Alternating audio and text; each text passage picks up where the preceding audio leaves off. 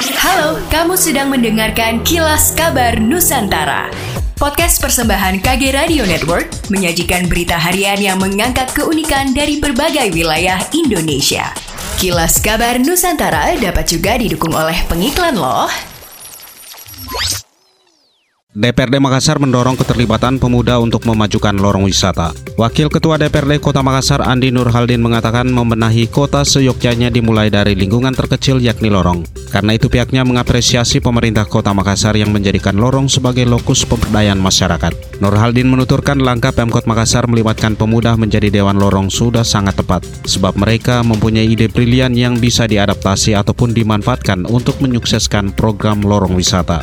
Salah satu kontribusi yang dapat dilaksanakan pemuda adalah membantu promosi UMKM lorong.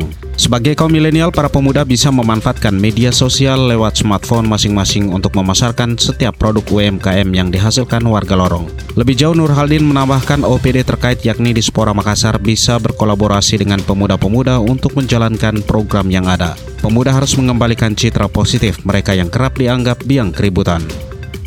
Moms dan dads ingin belajar pola asuh anak dan parenting dari ahlinya, sekaligus hiburan drama audio yang diangkat dari kisah nyata. Yuk dengerin podcast obrolan Meja Makan persembahan Media by KG Media bersama Nakita dan Nova hanya di Spotify. Travel Umroh di Palembang mencari cara supaya tetap bisa memberangkatkan jamaah umroh di tengah isu kekosongan vaksin meningitis. Demi mendapatkan vaksin meningitis untuk calon jamaah umroh, Travel Umroh di Palembang mencari vaksin langsung offline ke kantor kesehatan pelabuhan atau KKP hingga yang paling ekstrim bakal menggeruduk KKP.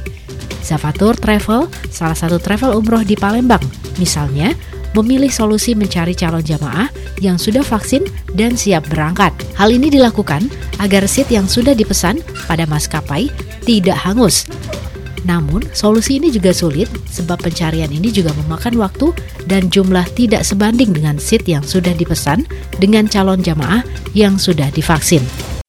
Demikianlah kilas kabar Nusantara malam ini.